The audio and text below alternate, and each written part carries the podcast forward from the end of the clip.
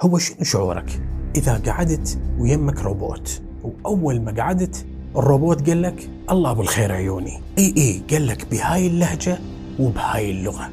هذا السؤال اللي سألته لمتابعيني بالإنستغرام. وكانت أغلب الأجوبة هي لو ننظر لها من منظور آخر راح نعرف أنه هاي الأجوبة إلها قيمة كبيرة جدا لأنه كلها بها خيال واسع. فالمهم الله أبو الخير عليك والله أبو الخير عليك. خلي نبلش الحلقة.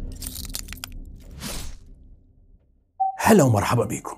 قد تكون حلقتنا اليوم مليئة بالخيال الواسع بس ممكن هذا الخيال يكون قريب جدا. إذا ما هو أصبح واقع بالأساس وإحنا ما ندري بيه أنت متخيل وياي أنه روبوت يعرف جملة الله أبو الخير ويعرف مغزاها شنو ويعرف حتى كل سوالفك من تريد تنصب أو تتمازح مع شخص معين ويعرفك أيضا شو وقت أنت من الممكن يكون كلامك كلام جدي. هل أنت متخيل وياي صديقي كيف ممكن يصير هذا الشيء؟ أو شنو راح يسوي هذا الشيء؟ أو ممكن بالحلقات القادمة من قناة X Talk إذا بقت يعني من الممكن يجينا روبوت بدال سيزر بدال ما يقول لنا أنا سيزر الحاتمي وأحدثكم من كذا مكان ومن هالسوالف.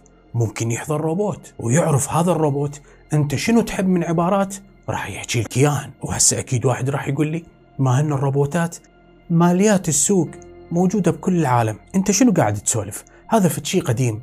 كلامك كله سليم صديقي وكلام منطقي. بس حلقتنا اليوم تتحدث عن تواجد هذا الروبوت مع لغة الإنسان. يعني تحضر وياه لغة البشر بدون وجود البشر. يعني بهالشي راح يتراود ببالنا سؤال مهم جدا.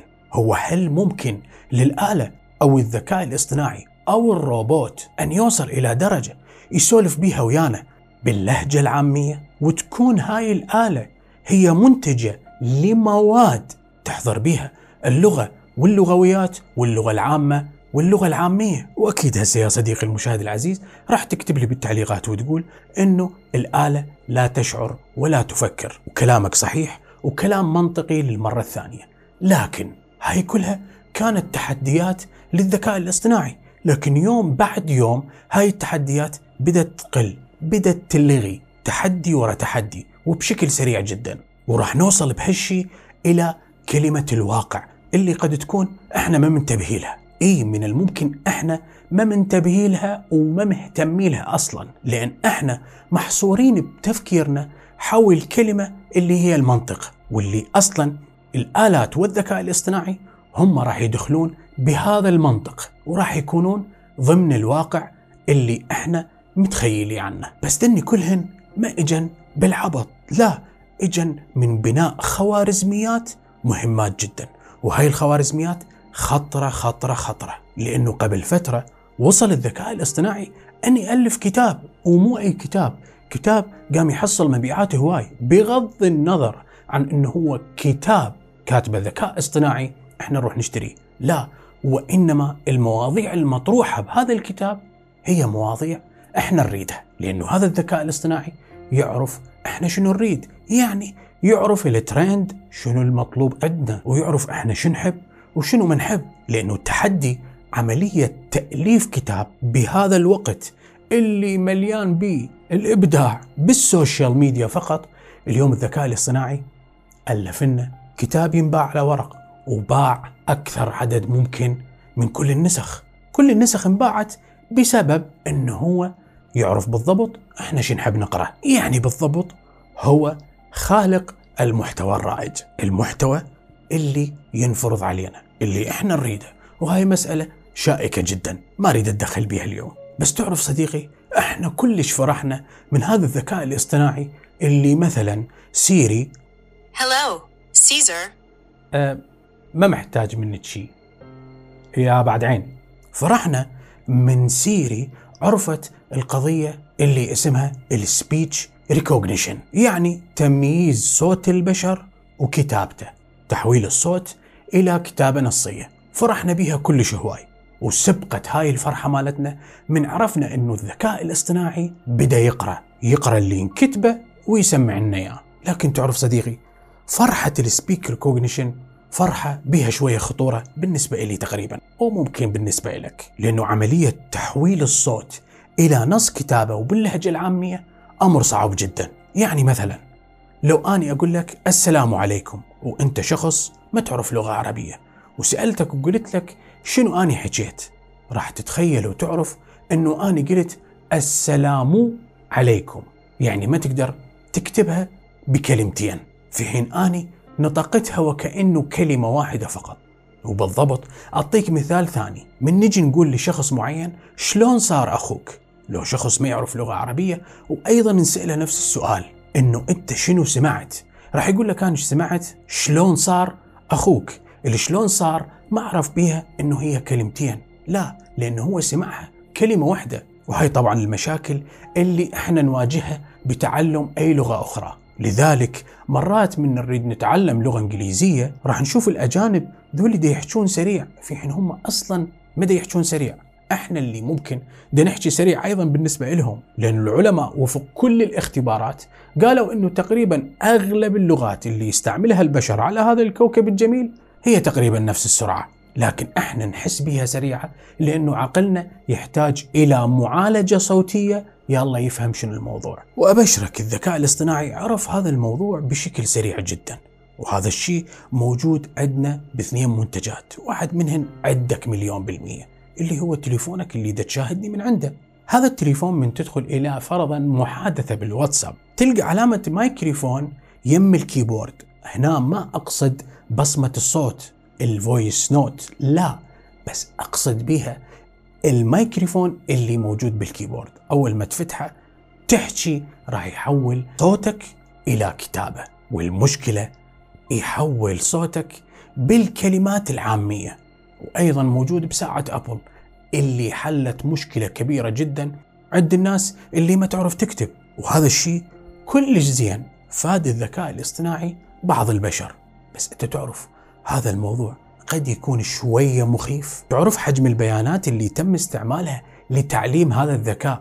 إيش قد؟ هذا الموضوع وبدون مبالغة تقريبا صار له 50 سنة يشتغلون عليه العلماء. ال speech recognition موضوع صعب جدا بس بهاي الأيام بدأت تطلع النتاج مال الذكاء الاصطناعي لهذا الموضوع شنو؟ فبدأ الذكاء الاصطناعي يحضر بوجود اللغة البشرية بدون حضور البشر، وبالإضافة إلى أنه بعض البحوث وبعض الدراسات دا تدمج بين اللهجات العامية اللي يعلموها للذكاء الاصطناعي وبين الإيموجي الخاص بوجه الروبوت حتى يوصلون إلى لغة ممزوجة بإيموجي ممزوجة بعلامات على الوجه اللي ممكن من خلالها يطرح هذا المنتج على إنه هو عنده مشاعر. ففهم الآلة للصوت والحديث أيضا بنفس الوقت كانت من ضمن التحديات اللي لازم يقضى عليها. هذا الذكاء وفعلا قضى عليها وتعلمها بكل سهولة. بس ممكن راح نقول إحنا البشر إحنا اللي علمناه.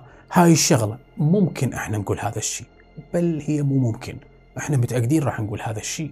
فقط بسبب غرورنا كون الكائن الوحيد الذكي على هذا الكوكب حسب ما نوصف أنفسنا. لكن but هو وين موجود الذكاء الاصطناعي؟ شوف صديقي مثلا حسب عمتنا جينيفيف بيل عالمة أنثروبولوجيا اللي تشتغل على موضوع التقاطع بين الممارسات الثقافية والتطور التكنولوجي. تقول أكو بناية في سيدني وهاي البناية تشبه البنايات اللي تنعرض بأفلام الخيال العلمي بالأفلام الأجنبية، لكن هاي البناية كل المصاعد اللي بيها هي عن طريق الذكاء الاصطناعي أو متدخل بأوامرها الذكاء الاصطناعي بحيث تعرف حركة سكان البناية اليومية والشهرية والسنوية. وتدخل بها أيضا يعرف حركتهم حسب الساعات. ويخمن من خلال هاي المعلومات وين يوقف المصعد وبأي طابق.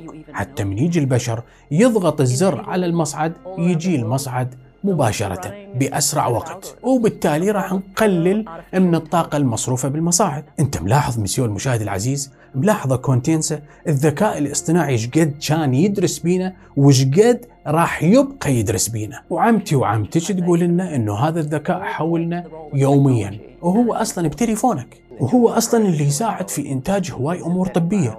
منها لقاح كورونا. هذا حسب ما قاله عمنا جيمس كولينز اللي قال إنه الذكاء الاصطناعي هو اللي ساعدنا في تحديد الأجسام المضادة واللي من خلال هاي العملية ساعد البشر على تقليل وقت البحوث لوجود لقاح لكورونا. لأنه ماكو بشر عنده القدرة على إنه يجري آلاف الفحوصات بوقت دقائق فقط. وهو نفس أيضا الذكاء الاصطناعي اللي رسم لنا المحاكاة الواقعية للفضاء واللي نفسه هو من الممكن يكتشف لنا حياة على أحد الكواكب اللي إحنا البشرية صار لنا قرون نركض وراء هذا الموضوع. وهو نفسه يعرف مصداقيتنا شنو وياه. هل إحنا نكذب عليه أم هل إحنا نراوغ بالإجابات أو لا؟ والله بالخير عليك والله بالخير عليك. هذا كل اللي حكيته كان خارج الجسم البشري. بس ابن عمنا إيرن موريس يقول إحنا بدنا نشتغل على أن نسوي مختبر صغير جدا داخل جسم الإنسان يدخل بجسمنا وهذا راح يخلينا ينطينا كل شيء اللي راح يصير عن جسمنا يعني هو المختبر التشخيصي داخل جسم الإنسان اللي قد يتنبأ لك إنه أنت ممكن تنصاب بأمراض خلال الكم سنة الجاية وهو اللي يحدد لك وهو اللي يشخص لك الأمراض أو ممكن بالمستقبل هو اللي راح يوجهك بنفسه إلى الطبيب الفلاني بسبب إنه أنت عندك مشكلة فلانية. فصار الذكاء الاصطناعي مو بس حوالينا لا حتى بداخلنا. وكل هاي الأخبار وكل هاي البحوث هي اللي خوفت إيلون ماسك وراح سوى شريحة نيورالينك اللي قال بها إنه أنا أريد أعزز القدرة الفكرية عند البشر وقدرة التفكير أيضا. يريد يعزز من قدرات البشر لمواجهة هذا الذكاء العظيم. راح تقول لي شنو السبب؟ لويش إحنا هيك شوف صديقي موضوع الذكاء الاصطناعي ما متدخل فقط بالشغلات اللي تخدم البشرية. لا الذكاء الاصطناعي اليوم هو أيضا المسيطر على الأسلحة الفتاكة لأنه ممكن إذا جهة معينة سيطرت على فلان سلاح. وتعرف تتعامل مع الذكاء الاصطناعي اللي بهذا السلاح راح تصير كوارث. وممكن هاي الكوارث يقدرون البشر يسيطرون عليها أو ممكن ما يقدرون يسيطرون عليها. مثلا سلاح الدرونات اللي هو مسؤول عنه الذكاء الاصطناعي. الدرونات الصغيرة جدا اللي تعرف تفرق بين العدو وبين الصديق. هاي مشكلة إذا سيطرت عليها جهة معينة. فلذلك إحنا البشر كل ما نتطور نحس إنه إحنا متجهين إلى شفا حفرة من نهايتنا. لأنه الحروب اليوم هي مو حروب عسكرية فقط. لا اليوم الحرب هي حرب المعلومات. كل المنافسة على المعلومات قد تعرفها إنه أنت بالمستقبل هاي كانت حروب أو علامات لحروب باردة. لا بل هي أصلا حروب باردة أنا أقول لك إياها. ووصول الذكاء الاصطناعي أو أي روبوت إلى اللغة العامية أو اللهجة العامية. موضوع مو بس سهل. لو تجي تفكر به موضوع خطر جدا. ولا تنسى يجي يوم تليفونك أو ساعتك الذكية أو حتى روبوتك الخاص. من تقعد من الممكن يقول لك الله بالخير وأنت راح تقول له الله بالخير والعافية. استسلاما للواقع.